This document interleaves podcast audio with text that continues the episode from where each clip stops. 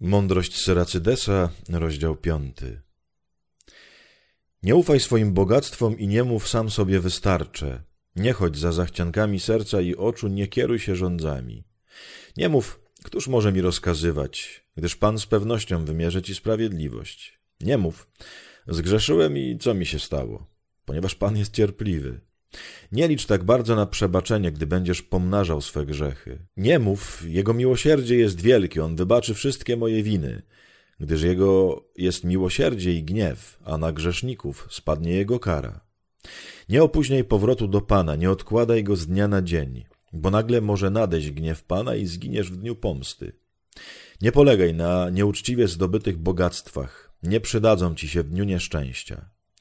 Nie przewiewaj zboża na każdym wietrze i nie zapuszczaj się w każdą ścieżkę. Tak czyni grzesznie go podwójnym języku. Bądź stanowczy w tym, co zamierzasz, a twoje wypowiedzi niech będą jednoznaczne. Zawsze chętnie słuchaj, lecz z odpowiedzią czekaj cierpliwie. Jeżeli możesz, odpowiedz twemu bliźniemu, jeżeli nie, rękę połóż na twoich ustach. Dzięki mowie zyskuje się sławę lub pogardę, a język może doprowadzić człowieka do upadku. Nie dawaj powodu, by nazwano cię oszczercą. Swoją mową nie przygotowuj zasadzek. Wstyd bowiem ciąży złodziejowi, a zła opinia człowiekowi o podwójnym języku. Unikaj błędów w sprawach wielkich i małych i nie stawaj się wrogiem, zamiast być przyjacielem. Moi drodzy, bardzo piękny rozdział, e, znowu z wieloma wątkami, a najbardziej chyba uderzył mnie jeden moment. Nie odkładaj powrotu do Pana.